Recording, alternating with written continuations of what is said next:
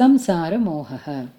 लेखकः प्रह्लादडावने एकदा भगवान् नृसिंहः स्वस्य प्रियं भक्तं प्रह्लादम् अवदत् किमपि वरं याचतु इति। तदा प्रह्लादः उक्तवान् भगवन् संसारस्य एतान् दीनदुःखिनः जीवान् त्यक्त्वा अहम् एकाकी मुक्तः भवितुं न इच्छामि। कृपया भवान् एतान् सर्वानपि जीवान् स्वीकृत्य वैकुण्ठं प्रतिगमनाय अनुमतिं ददातु इति।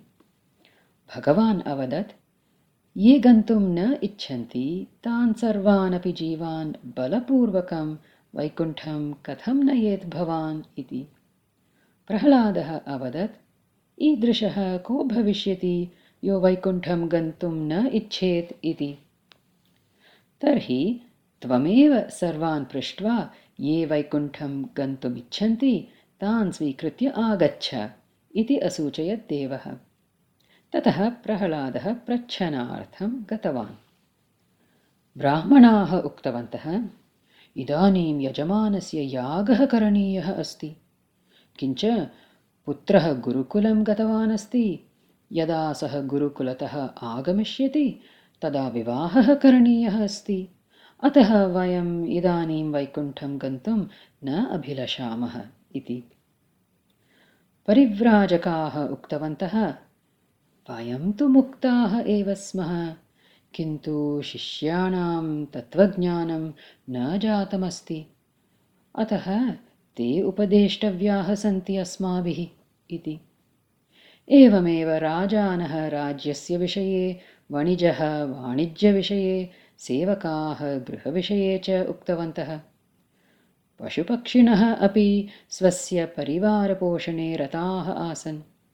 एवं सर्वे अपि प्राणिनः प्रह्लादेन सह वैकुण्ठं प्रति गमनं तिरस्कृतवन्तः।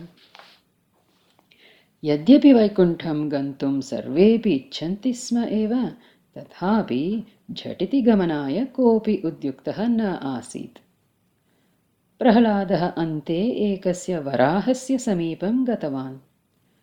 तदा वराहः अपृच्छत् वैकुण्ठे किमस्ति? इति। प्रह्लादः अवदत् तत्र अनन्तः आनन्दः अस्ति इति। वराहः पुनः अपृच्छत् मम भार्यां पृच्छतु अहं तु एकाकी गन्तुं न इच्छामि इति। तदा प्रह्लादः अवदत् तर्हि तां बालकाञ्च आदाय चलतु इति। वराहस्य पत्नी वैकुण्ठगमनप्रस्तावं श्रुत्वा पृष्टवती किं तत्र अस्माभिः भोजनं प्राप्यते? इति। प्रह्लादः अवदत् तत्र तु बुभुक्षा एव न भवति अतः भोजनस्य समस्या नास्ति तत्र। इति। तदा सूकरी अवदत् यत्र बुभुक्षा न भवति तत्र गत्वा वयं रुग्णाः एव भवेम इति। तत्र कोऽपि कदापि रुग्णः न भवति इति विवृतवान् प्रह्लादः। तदा सूकरी दृढस्वरेण अवदत् यत्र अस्माभिः भोजनं न प्राप्येत तं देशं वयं गन्तुं न इच्छामः इति प्रह्लादः निराशतां प्राप्य भगवतः समीपं गत्वा उक्तवान् भगवन् सर्वेऽपि प्राणिनः स्वस्य एव कौटं कौटुम्बिकव्यापारे मग्नाः सन्ति। वैकुण्ठं गन्तुं कोऽपि उद्युक्तः नास्ति इति